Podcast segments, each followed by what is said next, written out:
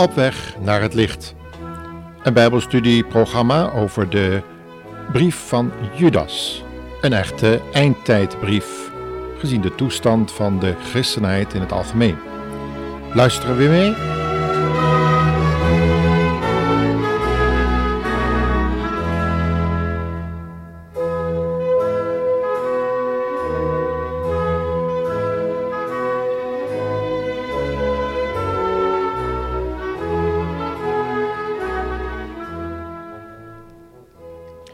In ons vorige programma zijn we gekomen tot en met vers 6 van de brief van Judas. En daar lazen wij een engelen die hun oorsprong niet bewaard hebben, maar hun eigen woonplaats verlaten hebben, heeft hij tot het eeuwige oordeel van de grote dag met eeuwige boeien onder de duisternis bewaard.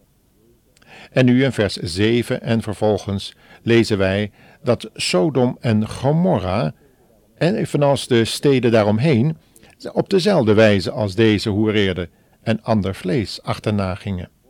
Zij liggen daar als een voorbeeld, doordat zij een straf van eeuwig vuur ondergaan. Evenzo inderdaad verontreinigden ook deze dromers, waarbij dan ook die dwaalleraars wordt teruggegrepen, het vlees en verwerpen de heerschappij en lasteren de heerlijkheden. De aartsengel Michael echter durfde toen hij met de duivel redeneerde en reden twiste over het lichaam van Mozes, geen oordeel van lastering tegen hem uit te brengen. Maar zij mogen de Heere u bestraffen. Tot zover voorlopig de schriftlezing tot en met vers 9 van de Judasbrief. Laten wij in deze uitzending nadenken over wat wij te leren hebben van deze paar versen.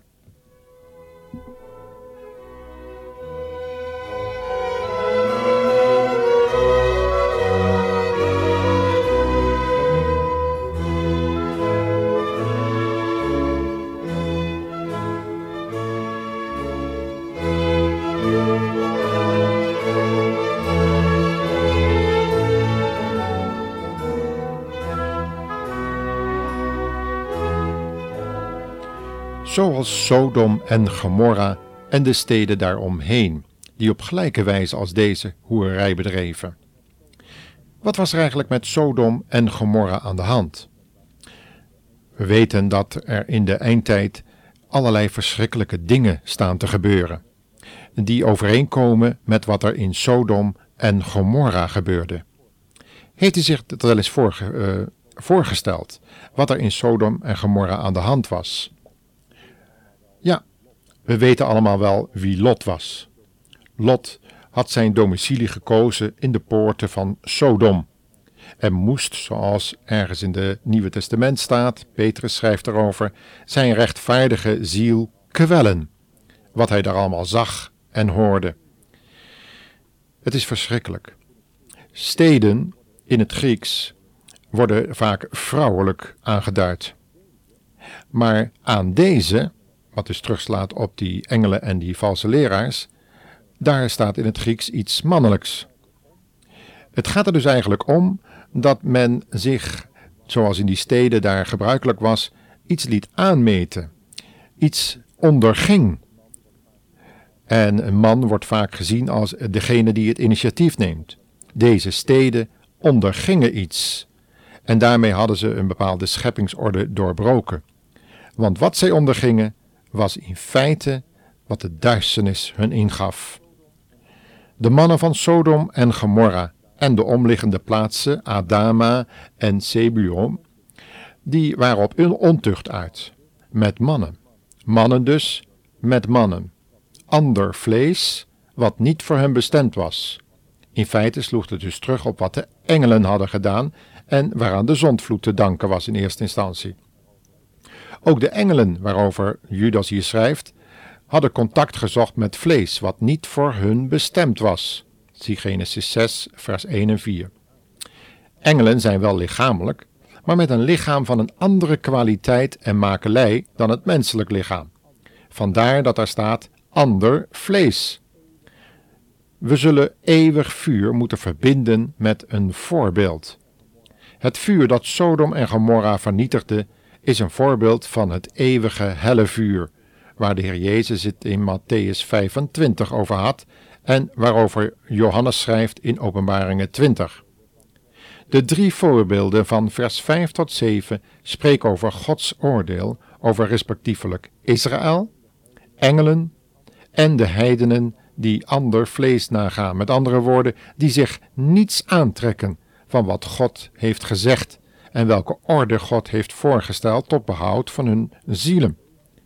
Zij hebben zich in hun leven en leefwijze onttrokken aan de heerschappij van de enige heerser.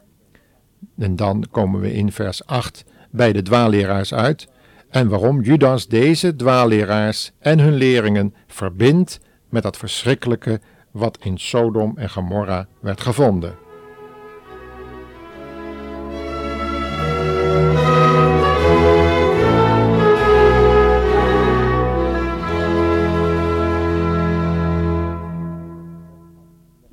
Laten we vers 8 nog eens lezen.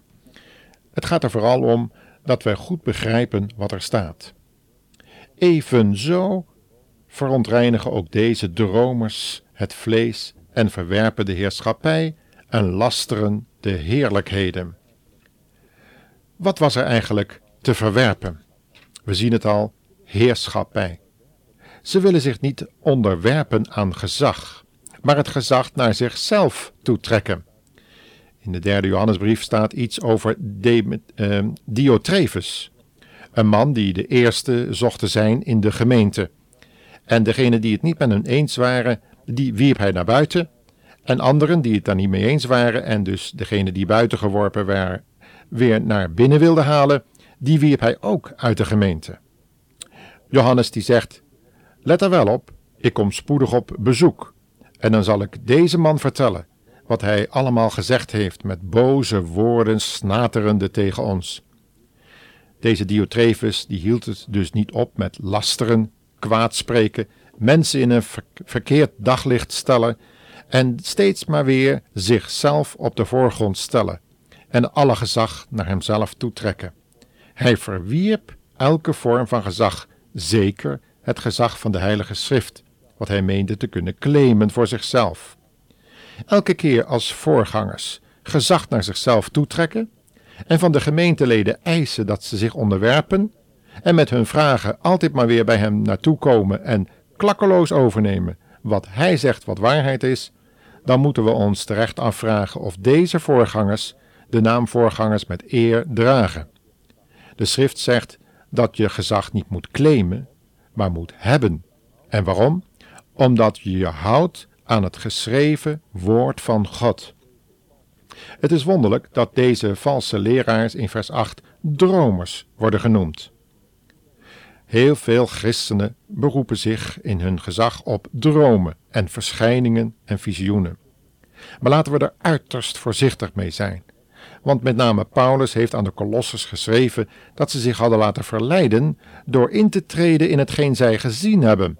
Of zoals een andere vertaling zegt, wat je normaal niet ziet. Dus intredend in het mysterie.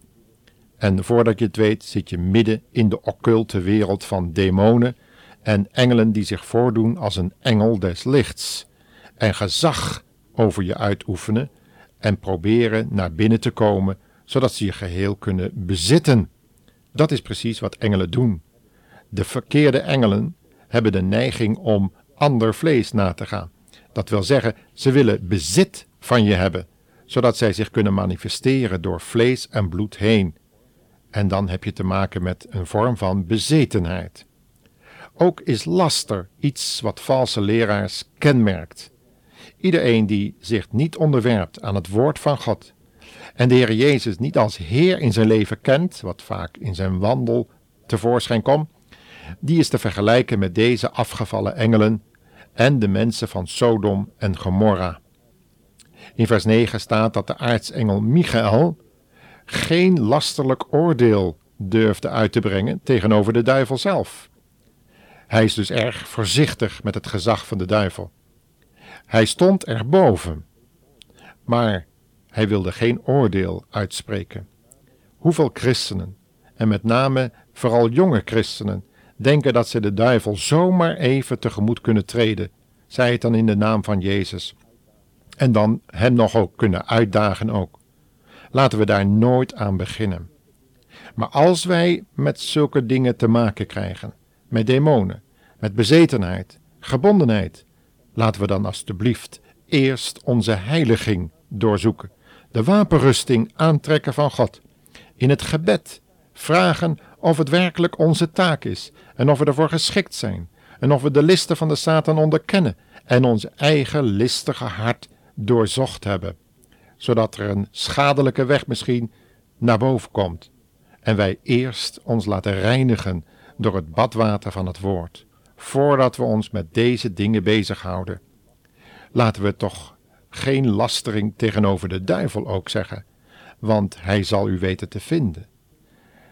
Beste luisteraar, het is uiterst belangrijk dat wij steeds weer terugkeren naar het woord van God.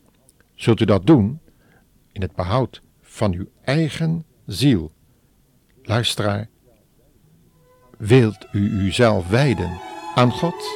Doe het dan nu.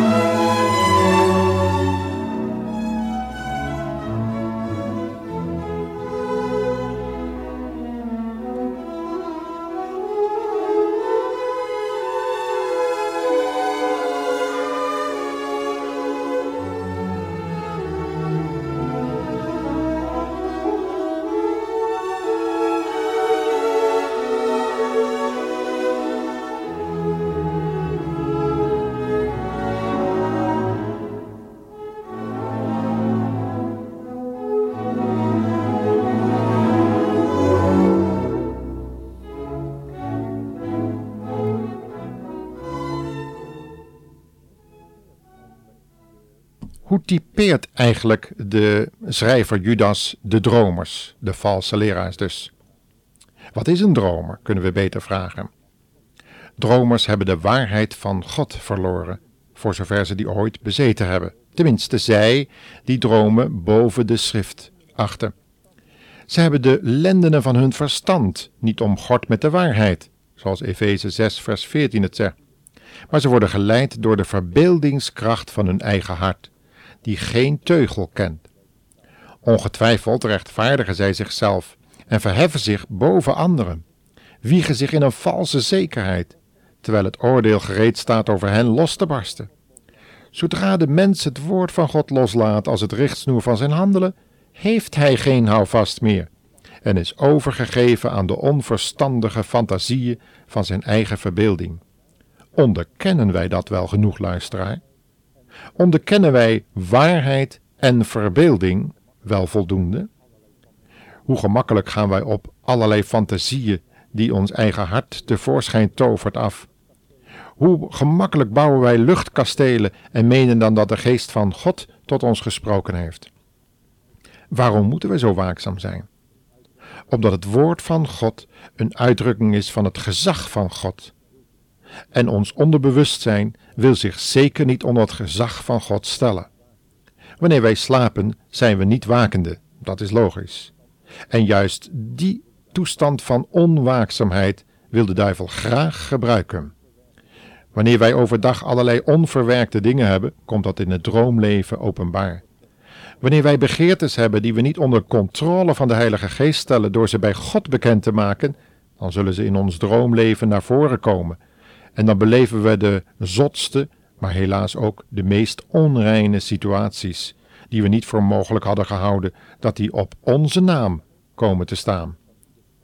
Ja, het is de plicht van ieder schepsel, ook zijn droomleven, zijn onderbewustzijn, zijn verborgen mens des harten door God te laten reinigen.